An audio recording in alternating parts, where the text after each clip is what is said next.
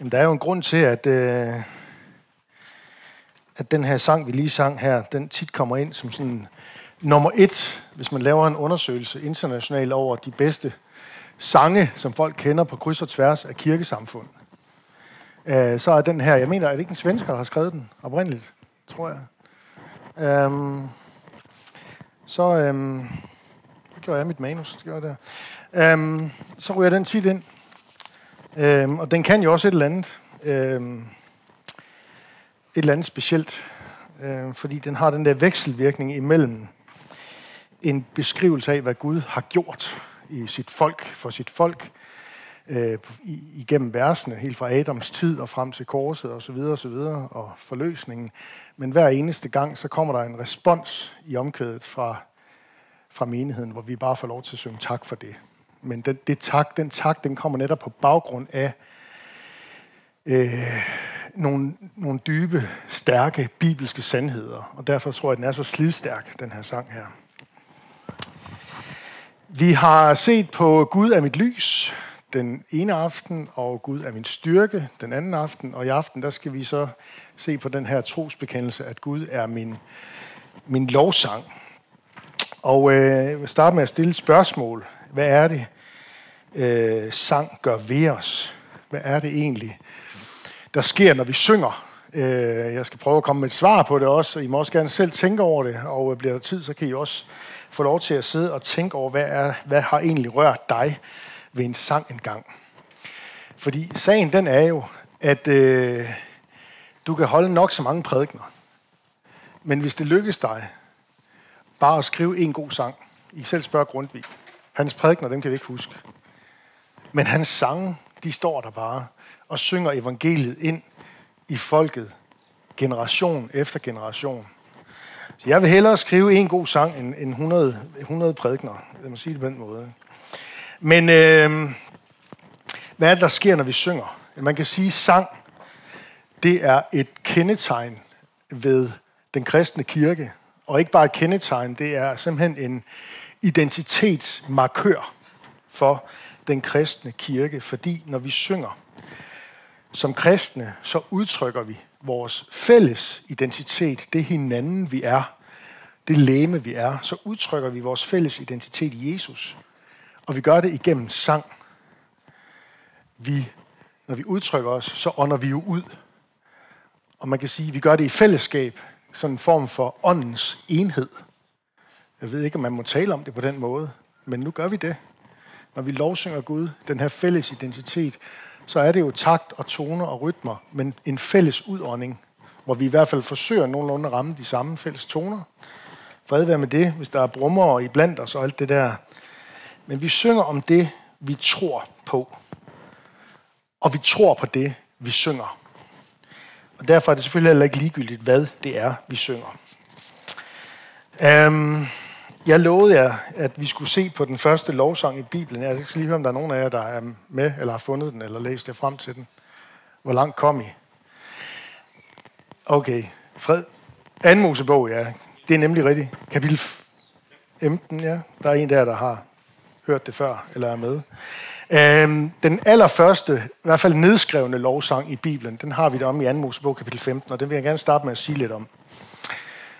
Øh, som parentes bemærket kan man selvfølgelig godt sige, at jeg har hørt nogle teologer eller bibelforskere udtrykke noget i retning af, at selve skabelsesberetningen har jo også et refræng.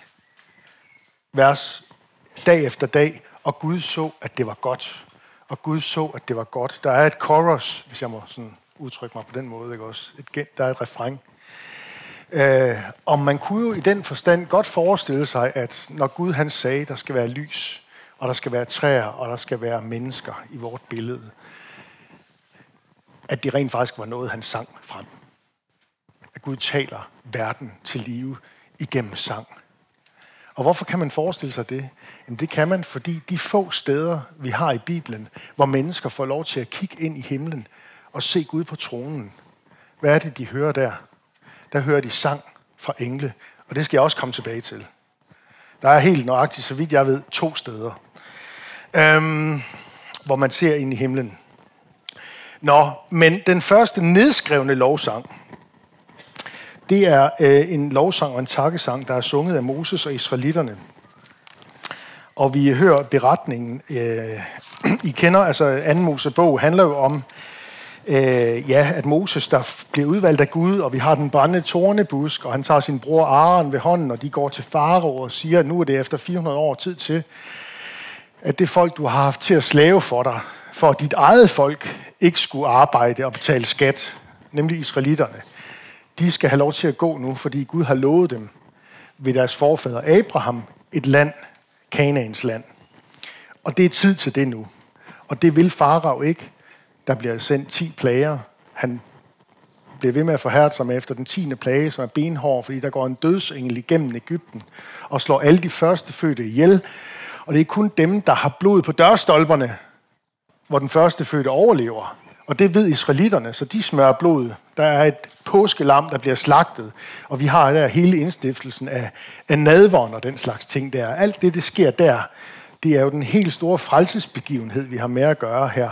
Og så sker der så det, at efter den 10. plage, dag og, de, og, og den her fejring af, af, af påsken, øhm, der, der, der lader og så folket gå.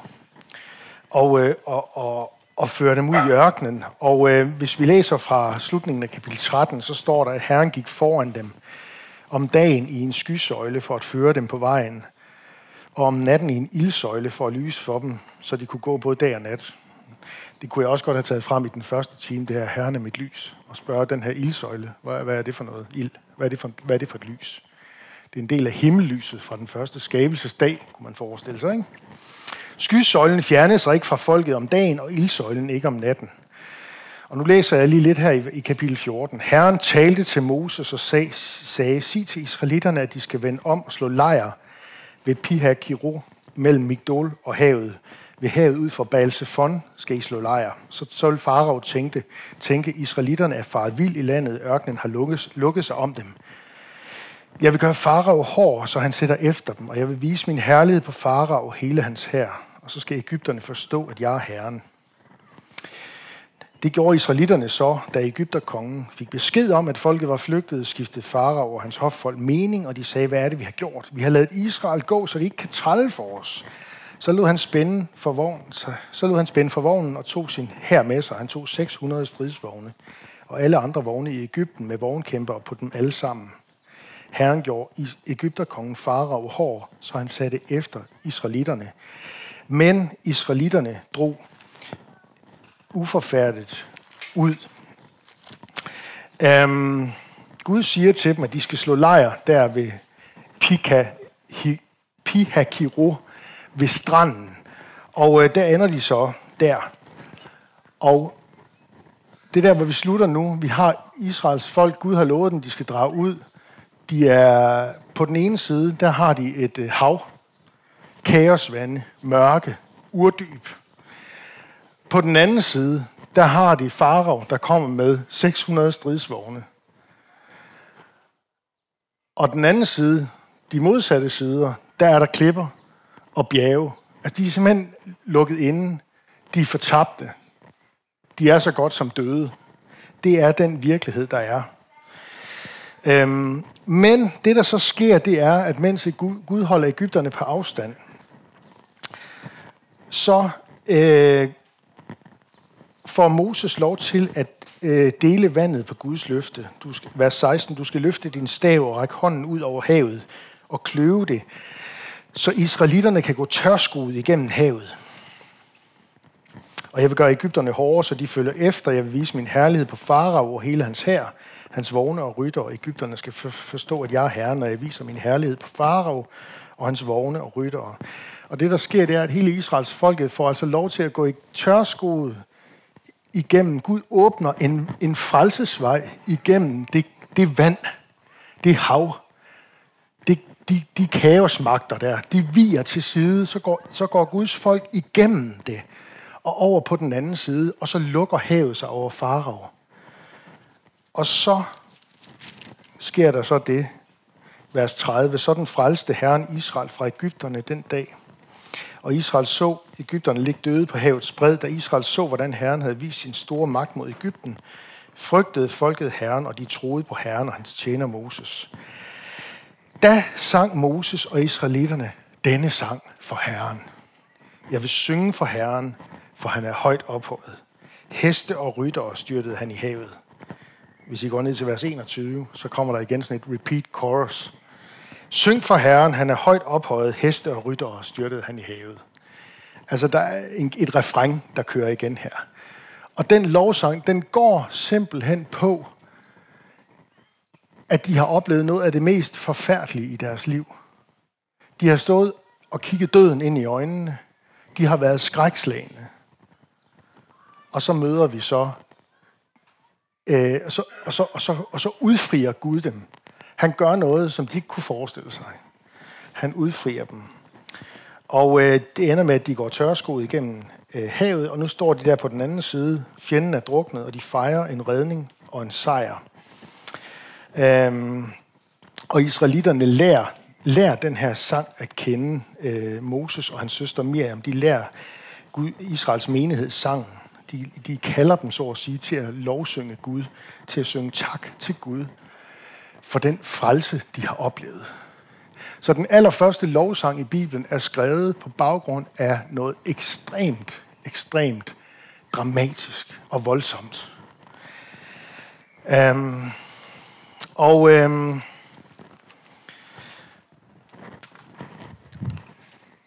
der er en øhm, der er en norsk præst, der hedder Børge Knudsen. Han har, han har lavet en gendækning af den her fortælling her om den første lovsang i Bibelen. Og øh, den tænkte jeg faktisk lige, at jeg skulle prøve at synge for jer. Der var en, øh, der var en capo, den hænger der. Så den, den vil jeg godt lige prøve at, at synge for jer. Øhm, fordi den sætter... Ja, godt så. Øhm, også bare lige, nu hedder det Herren er min lovsang. Ikke? Også, så skal jeg ikke bare stå og snakke.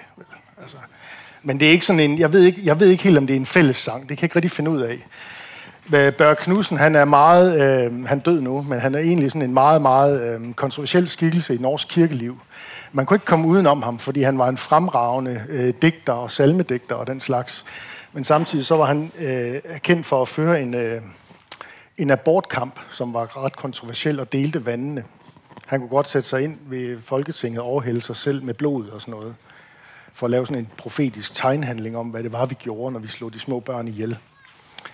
Så han delte vandene, kan man sige på den måde. Men han skrev altså en salme, der handler om det her med, at Farag møder Guds folk der ved stranden. Han er på vej derhen til stranden, og øhm, de ligger i lejr der ved Piha Kiro, og øh, det, alt, alt håb er ude og hvordan Gud så han så alligevel øh, øh, frelser dem.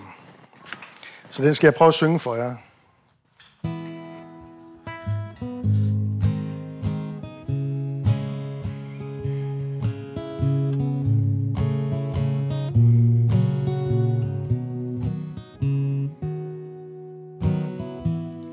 Farag nåede os lige ved stranden lå i lejr ved Piakiro. Der mellem havet og hæren klemt sammen. Klemt i vor grav under klippernes fod. Ak, blot en ene udvej åben. Vejen til havet, til døden i dåben. Halleluja, halleluja.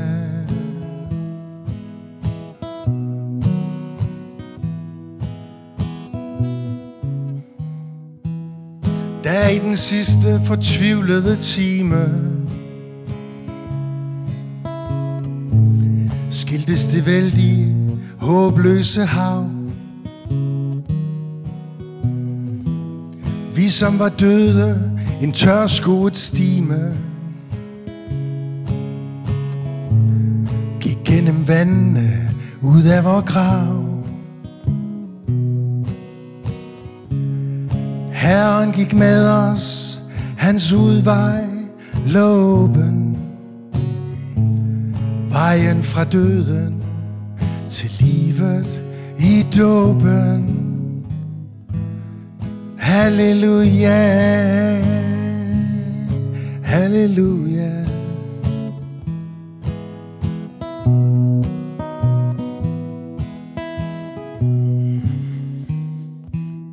Jublende står vi nu, og vi må sande. Folket for længst var fordømt og fortabt. Nyfødt står folket på lysende strande. Folket er præster, som Herren har skabt. Kanaans hellige frugt skal vi nyde. Vin skal vi skænke, og brød skal vi bryde. Halleluja, halleluja.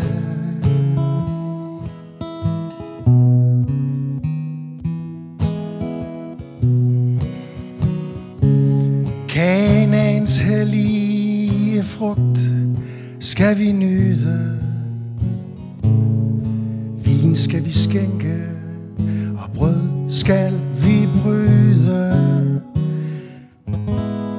Halleluja, halleluja.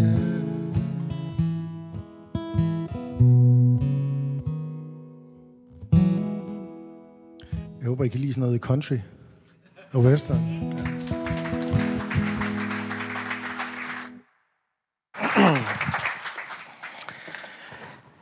Det var en... Øh, nå, jeg går herover igen. Det var en norsk præsts take på, øh, på Bibelens øh, første lovsang. Og sådan kan en genfortælling af, af øh, den første sang i Bibelen lyde.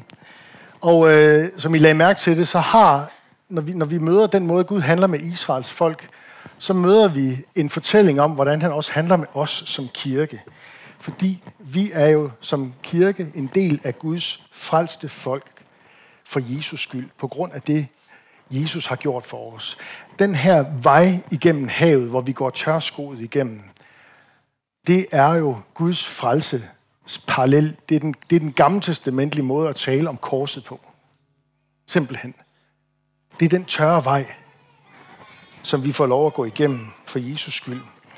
Og øh, vores øh, tak og lovsang i menigheden, den er der jo kun netop på grund af Jesus, på grund af hans død og opstandelse. Det er det, der betyder noget for os. Sagen er, at også vi som menighed, som kirke, som kristne, vi står jo på den anden side af vandet. Af kaosvandet. Af dåbsvandet. Vi står på den anden side af det. Du er blevet døbt til hans død. Ligesom Israels folk bliver døbt ind i frelsen ved at gå igennem det her kaosvand. Vi står på den anden side af vandet af dåben, af døden i dåben. Og i dåben, der er også vores fjende besejret. Og det er ikke farao, men det er synden og døden og djævlen, der er overkommet.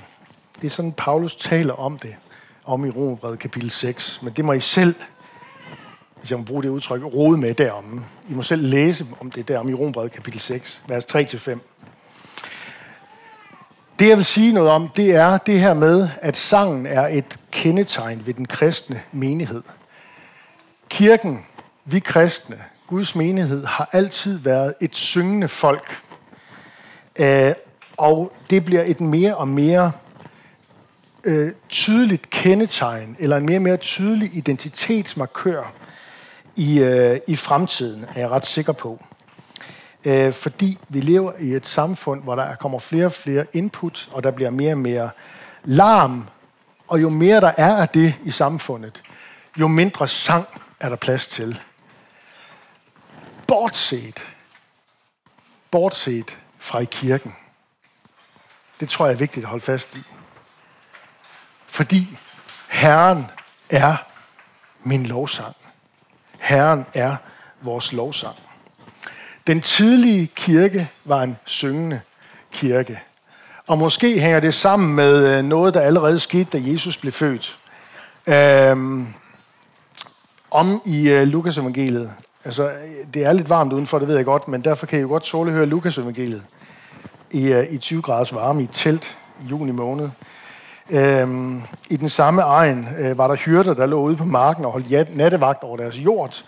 Der stod Herrens engel for dem, og Herrens herlighed strålede om dem. Det glemte jeg før at sige i den første time også. Hvad er det for et lys? Altså, den her herlighed herude på marken, da Jesus blev født. Ikke? Det er himmellys. Det er lyset fra den første skabelsesdag.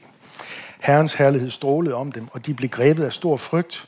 Men englen sagde til dem, frygt ikke, jeg forkynder jer en stor glæde, som skal være for hele folket. I dag er der født jer en frelser i Davids by. Han er Kristus, altså den salvede, og han er Herren, Gud selv.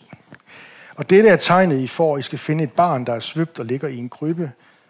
Og med et var der sammen med englen en himmelsk herskare, som lovpriste Gud og sang, ære være Gud i det højeste og på jorden. Fred til mennesker med Guds velbehag. Jeg har engang hørt det udtryk på den måde i et spørgsmål. Er du klar over, hvor vores julesalmer har deres oprindelse? Det har de her. Lukas 2,14. Det er her, julesalmerne begynder at blive skrevet. Og det starter med englene, der synger ud på marken øh, til Guds ære.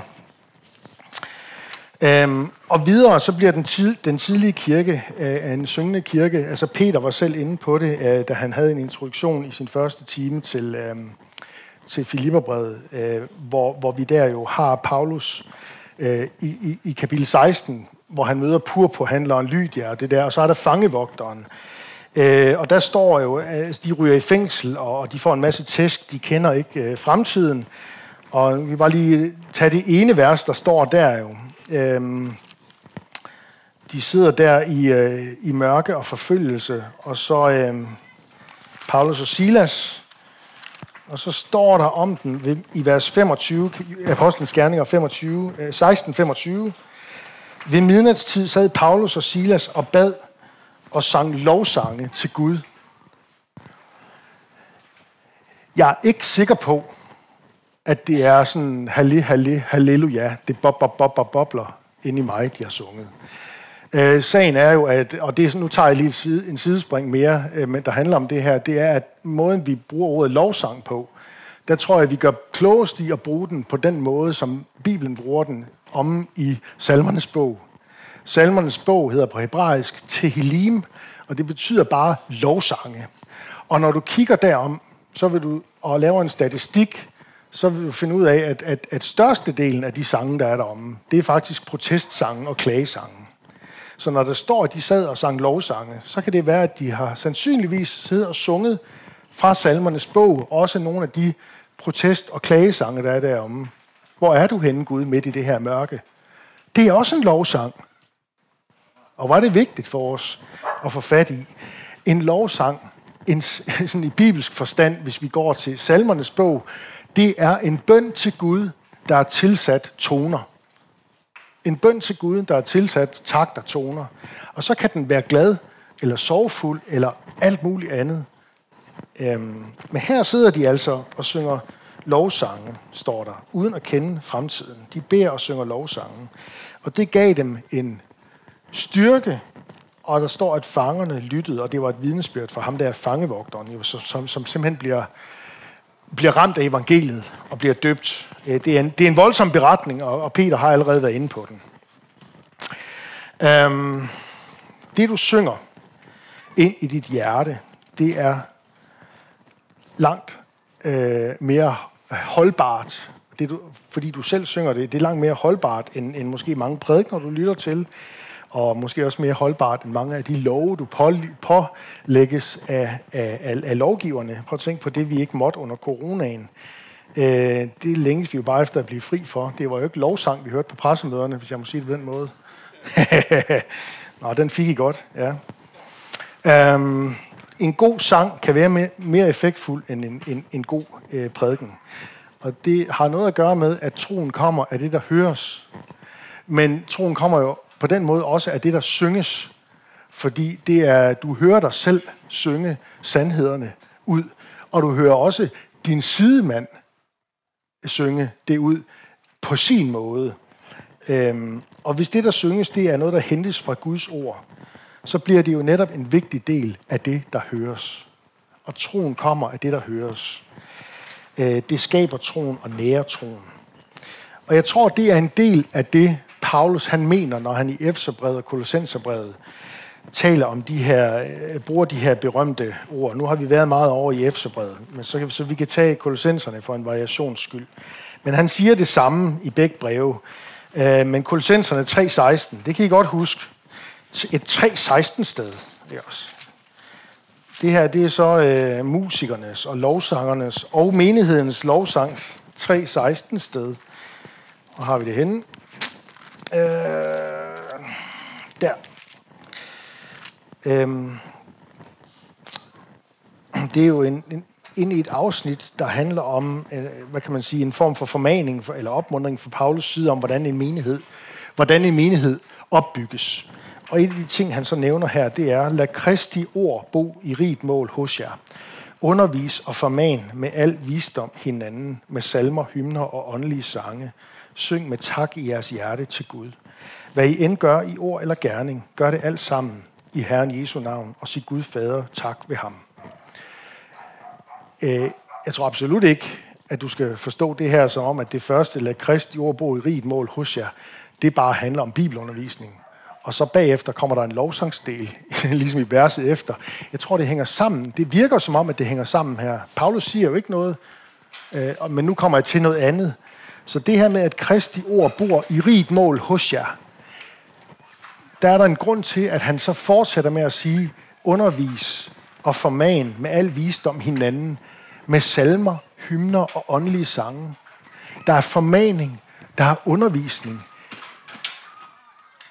I vores sange, når vi synger med hinanden til Gud. Nogle gange også fra Gud. Der findes jo faktisk også sange, hvor Gud synger til os. Øh, kan I huske, kender I, eller kan I komme i tanke om nogen af dem? Jeg kan huske, at jeg blev enormt ramt, hvis jeg skal svare på det spørgsmål. Jeg startede med at sige, hvornår er du, er du sådan blevet... Kan du komme i tanke om en gang, hvor en sang ramte dig? Jeg var engang på en, øh, da jeg arbejdede i KFS, på sådan en øh, nordisk øh, KFS-retræte. Øh, jeg ved ikke, om Claus var med. Men det var du måske, Claus, op i Norge eller Sverige. Øh, og, og øh, der, der kom der en kvinde, øh, en, en, en norsk musiker, som satte sig ned med sin, øh, sin spanske guitar, og så sang hun en sang for os på norsk. Og vi sad der, og vi var, jeg tror mange af os kom og havde et, et travlt arbejde, og vi synes, vi, altså, vi havde et ansvar for KFS-grupperne og alle de der ting der, og, og nu, nu var vi ligesom på retræte. Øh, barrikaderne var nede, og, og Gud fik lov, og, og vi skulle ikke, det var ikke os, der skulle yde og sådan noget. Og så sang hun en sang, som hedder, nu må du blot være barn, men, og ikke tjener. Og jeg kan bare huske, hvordan, altså, jeg, jeg, jeg, man kunne mærke, man kunne simpelthen mærke, øh, lettelsen i rummet. Øh, fordi øh, nogle af os, der, der sådan arbejder professionelt med det der med at være prædikanter og sådan noget der, altså, det er... Det kan godt nogle gange... Man kan, godt, man kan hurtigt komme ud på et tidsspor, hvis jeg må sige det på den måde. Man kan hurtigt blive sådan for professionel, eller føle, at jeg tjener og tjener og tjener. Hvornår får jeg lov til at være det, jeg egentlig prøver at sige, de andre skal være? Nemlig Guds barn, ikke også? Altså, så, så den sang der, den gik fuldstændig lige ind i hjertekuglen på, øh, på, på de fleste af os, der sad der.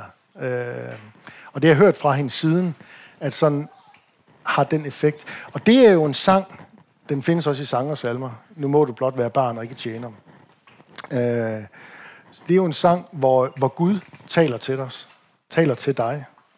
Det, det er en af de der sjældne sange, hvor, hvor altså I skal ikke høre det. Jeg men, det er en sang, der er, der er skrevet på den måde, siger jeg, at Gud taler og siger, nu har du lov til at være mit barn. Nu skal du ikke længere være min tjener. Nu må du lade armene hænge ned langs siden. Jeg, jeg har styr på det. Nu skal du ikke længere forsvare mit ord. Det kan jeg godt klare selv. Um, ja. Og så øh, lige til øh, det sidste nu her. Øhm, så øhm, det her med vores, altså at Herren er vores, vores lovsang. Øhm, vores bønder, vores musik, vores sange i, øh, i, i, i den kristne menighed, de er jo en del af forkyndelsen af de gode nyheder om Jesus. Det er det, det, Paulus siger, underviser forman med salmer, hymner og åndelige sange. Så de er en del af forkyndelsen. De, så at sige, hænger sammen med den forkyndelse. Den forkyndelse, der lyder, og de sange, der bliver sunget, de hænger sammen og udgør et hele. Øh, og så markerer de en, øh, det er den ene ting, de er en del af forkyndelsen. Den anden, ja, tre ting. Den anden ting, det er, at de markerer den her fælles identitet, som jeg også sagde noget om i starten. En af mine venner, øh, øh, nej, nej, jeg skal, lige, nej, jeg skal lige sige først noget om det der med fælles identitet. Øh, dermed mener jeg, at når vi synger fælles sang, og i, i, på samme tid ånder ud med takt og tone, så kan vi høre vores egen stemme, vi kan høre sidemandens personlige præg, hans, huns stemme, og i fællesskab, der danner vores stemmer, toner, ord og takt hele tiden, og vi er sammen til stede i en fælles forskellighed. Fordi vi er jo forskellige. Men der er også en enhed, fordi det er den samme ene Gud, vi er rettet imod. Sang, det er at udfolde sin identitet i lyd. Sin tro og udfolde den i lyd. Og på den måde kan man sige, at der er noget vigtigt af vores identitet, der ligger gemt i stemmen. Hvis jeg sådan lige skal skubbe lidt til at sige noget, I ikke plejer at høre normalt. Øhm, og så vil jeg sige en anden ting, som jeg også øh, som, som, som selv har sådan rusket lidt i mig. Og det var en af mine venner, der engang sagde til mig, sådan her, han sagde, jeg tror, kirken er sang. Øhm, jeg er ikke, jeg, altså, jeg tror, kirken er sang, sagde han bare. Den lever som sang, og den ender som sang. Og øh, hans pointe, det var, at det, der står om i, øh, så, sådan som vi møder det for eksempel om Johannes åbenbaring, kapitel, øh, kapitel 5, øh, vers 13 og 14. Øh, at der møder vi ligesom, der er vi inde ved kernen af, hvad det er, der er meningen med, øh, med menigheden, og, og hvad der sker, når, når Guds menighed mødes med den himmelske virkelighed. Øh, og der står, i vers, der står der i vers 13, og hver skabning i himlen og på jorden og under jorden og på havet med alt, hvad de rummer. Og så kan man sige, så er der jo ikke mere tilbage at komme efter. Altså der har vi ligesom dækket det hele ind, ikke også? Hver skabning i himlen og på jorden og under jorden og på havet med alt, hvad de rummer, hørte jeg sige, ham, der sidder på tronen og lammet, være pris og ære og lov og magt i evighedernes evigheder. Og de fire væsner sagde ammen, og de ældste kastede sig ned og tilbad. Det er, hvad der menes med at sige, at kirken er sang. At den lever som sang, og at den ender som sang. Øhm, der er simpelthen en fælles fejring af Jesus i sang, som ligger gemt i det udtryk, at Herren er min lovsang. Øhm, og den fejring af Jesus, det er en fejring, som vi møder, som sagt, når vi får de her kig ind i himlen. Og jeg vil gerne vide, hvis der er nogen af jer, der kan komme og, og øh, med flere steder. Men så vidt jeg har forstået, så er der altså kun to steder, hvor, øh, hvor, hvor himlen den åbner sig, og, og en af Guds profeter og en af Guds apostle får lov til at kigge ind i himmeriget. Og det ene sted, det er i Gamle Testamentet, det er profeten Esajas kapitel 6. Hvis I lige slår op derom. Kapitel uh, øh, Esajas 6. Det er i forbindelse med, at Esajas han kaldes til at blive profet. Øhm.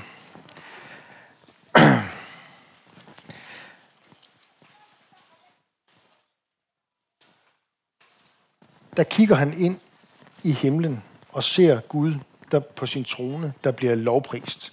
Og han siger sådan her fra vers 1, I kong Usias dødsår så jeg herren sidde på en højt ophøjet trone, og hans slæb fyldte templet. Serafer stod omkring ham. De havde hver seks vinger, og med de to skjulte de ansigtet, og med de to skjulte de fødderne, og med de to fløjte. De råbte til hinanden, Hellig, hellig, hellig er herskars herre. Hele jorden er fuld af hans herlighed. Og deres råb fik dørtapperne til at ryste, og huset fyldtes med røg. Den her hellig sang, som man kan kalde det, øh, den her lovprisning af Gud, med helligsangen foran Guds trone, det er jo noget, vi stemmer i som kristne, når vi lovsynger Gud. Så lægger vi vores røster oven i noget, der allerede foregår. Og som aldrig nogensinde stopper eller vil stoppe. Nemlig en lovprisning af Gud. Der er øh, det her sted, og så er der et sted om i Nye Testamente, og det er Johannes i Johannes åbenbaring kapitel 4, hvor vi møder en, øh, øh, en, en, en parallel beretning. Øh, og den står på side 1134. Der står der sådan her, øh, derefter så jeg og se, der var en åben dør ind i himlen, og den røst, jeg havde hørt tale til mig, Øh, og som lød som en basun, sagde, kom herop, så vil jeg vise dig, hvad der siden skal ske jeg skal lige skynde jer mig at sige, jeg kan ikke, jeg kan ikke forklare jer alt noget med basunryster og sådan noget. Jeg kan bare forklare jer de sådan overordnede linjer i det her, og det tror jeg er, er faktisk til at forstå. Øh, nemlig, hvad det er, han hører på baggrund af det, som Esajas hørte. Øh, straks blev jeg grebet af ånden og så en trone stå i himlen, og en sidde på tronen. Og han, som sad på tronen, var at se til som jaspis og sarter, og der var en regnbue om hans trone, at se til som smaragd, og rundt om tronen, tronen stod 24 troner, og på tronerne sad 24 ældste i hvide klæder og med guldkrone på hovedet. Fra tronen kom der lyn og brag og torden, og foran tronen stod der syv brændende fakler, de syv Guds syv ånder. Foran tronen var der noget ligesom et glashav, så klart som krystal, og rundt om tronen midt for siderne var der fire levende væsener. Fulde af øjne både for og bag. Jeg gad godt at se en kunstner afbilde det her, ikke også? Det er ret syret. Ikke? Det første levende væsen lignede en løve, det andet lignede en okse, det tredje havde et andet ansigt som et menneskes, det fjerde lignede en flyvende ørn. De fire væsener havde hver seks vinger og fulde af øjne hele vejen rundt og på indersiden. Okay, det er hardcore det her. Ikke? Men nu kommer det, der er lige til at forstå. Og de siger uden ophør dag og nat, Hellig, hellig, hellig er Herren, Gud den almægtige, han som var og som er og som kommer. I kan kende det fra vores nadverliturgi. Tænk sig vores nadverliturgi i kirken. Gud den almægtige, himmel og... Kan I, kan I ikke høre det? Det er taget herfra. Det er simpelthen taget fra Esajas og Johannes' kig ind i himlen, og ikke fra noget som helst andet sted. Øhm, og så er der lige en ting mere. Det her trefoldige hellig. Hellig, det kalder man øhm, øh, altså i templet. Ikke også? Der er noget, der, der hedder det hellige. Der, hvor man, der er et foregård, så træder man ind i det hellige, hvor præsterne de offrer og sådan noget. Så en gang om året, der kunne ypperste præsten så træde ind i det, der hedder det allerhelligste. Okay? Det hedder på hebraisk bare, fordi det har man ikke et udtryk for allerhelligste, så der gentager man bare ordet hellig, og så siger man hellig to gange. Så det allerhelligste, hvor ypperste præsten kun må komme ind én gang om året, det hedder hellig, hellig på hebraisk. Kadosh, kadosh. Og når du så kigger ind i Guds himmel, hvor Gud sidder på tronen, så lyder det så tre gange. Fordi så er det bare fuldstændig fuldendt. Kadosh, kadosh, kadosh. Eller hellig, hellig, hellig. Um, det er sådan ligesom for at understrege øh, Guds nærværet, Um, at det lyder der tre gange. Hellig, hellig, hellig. Øh, både Esajas og Johannes, de ser og hører det samme. De ser Guds trone, de ser nogle frygtindgydende engle, og så hører de det her tredobbelte, hellig, hellig, hellig. Det siger os jo noget om, at Gud er den samme dengang, som i dag. Gud er den samme i det gamle og det nye testamente, og det er den samme sang, der lyder for Guds trone i himlen. Uophørligt altid. Englene synger den. Hellig, hellig, hellig. Den lyder for Guds trone for evigt. Den lyder altid, den her hellige sang. Um, jeg har hørt det udtryk på den her måde, at der er tre typer af sange. Og nu kan det godt være, at jeg henvender mig til, til, til folk, der er musikalsk interesserede og sådan noget. Men vi synger jo alle sammen. Og prøv lige at følge med mig her. Der er tre typer af sange, som altid har været en fast bestanddel af kirkens øh, udtryksform, eller af kirkens gudstjeneste, eller kirkens liturgi, hvis du sådan vil svinge det helt højt op, ikke også? Der er tre typer af sange. Den ene, det er den sang, man kalder Herre forbarm dig. Altså tilgiv mig. Eller på øh, latinsk kyrie, eller kyr, øh, græsk kyrios, Herre forbarm dig over mig. Det er en bøn til Gud, om at han vil tilgive os. Det er den ene type sang, kyrie-sangen. En bøn om tilgivelse for synd. Så er der en anden type sang, det er helligsangen. Hellig, hellig, hellig er Herren. Sanctus kalder man det også på latin, tror jeg det er. Jeg er lidt rusten i det der, ikke også? Og så er der en tredje type sang. Det er den der, O du Guds lam, da, da, da, da. Agnus Dei, kalder, siger man på, på, på latin. Guds lam. Ikke? Og de sang en ny sang, for du blev slagtet, du er lammet, det slagtede. Som tales der om det i åbenbaringsbogen, kapitel 5, vers 9 og vers 12. En ny sang, der bliver sunget. Lammets sang. Og når vi siger det her med, at kirken er sang og lever som sang og ender som sang, så er der de her tre sange her. Kyrie, Herre, forbarm dig over os. Der er hellig, hellig, hellig. Og så er der øh, O du Guds lam, altså ophøjelsen og takket, takken til Jesus for korset og hans død og opstandelse. Basically, så vidt jeg kan se, så, øh, så, så er det inden for de kategorier, at, at, at stort set al øh, sangskrivning findes eller kan karakteriseres. Jeg ved ikke helt, om det passer, men I kan jo prøve at tage den med som sådan en... Øh, kan det virkelig passe? Ikke også? Øhm, faktisk er der rigtig mange af de nye, øh, de nye sange, som skrives, øh, lovsange, som, som er i, øh, i, i kategorien øh, Sanctus, hellig, hellig, hellig, eller, eller øh, Guds lam, Jesus som Guds lam. Og det er jo bare, det er jo bare kanon godt. Fordi det er overensstemmelse med skriften. Der er en af de her typer sange, der forsvinder en dag. I fuldendelsen,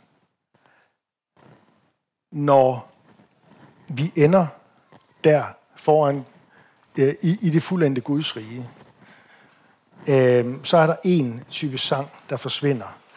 Og det er, øh, Herre, forbarm dig over os.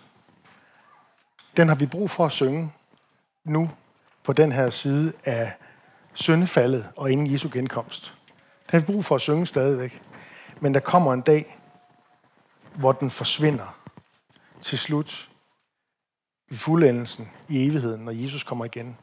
Så behøver vi ikke længere at synge Kyrie i læseren, Herre forbarmt over os. Så er det bare helligsangen og takken til Jesus som Guds lam, der er vores lovsang. Lad os bede sammen.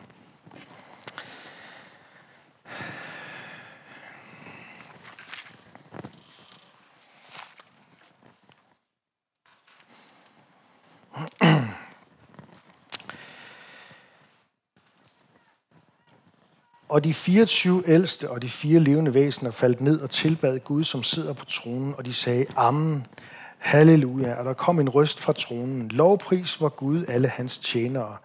I som frygter ham, både små og store. Og jeg hørte lyden, som er en stor folkeskare og vældige vande, og som stærk torden, som sagde, Halleluja. Herren, var Gud den almægtige, har taget magten. Lad os glæde os og juble og lovprise ham. For nu skal lammets bryllup stå, og hans brud har gjort sig rede. Hun har fået givet at klæde sig i lysende, rene linnedklæder. Det er Guds sande ord. Gud skal du tilbede. Og Jesus, vi takker dig, fordi vi kan få lov til at tilbede dig igennem bøn og sang. Og det glæder vi os over, at vi kan gøre nu om et øjeblik. Amen.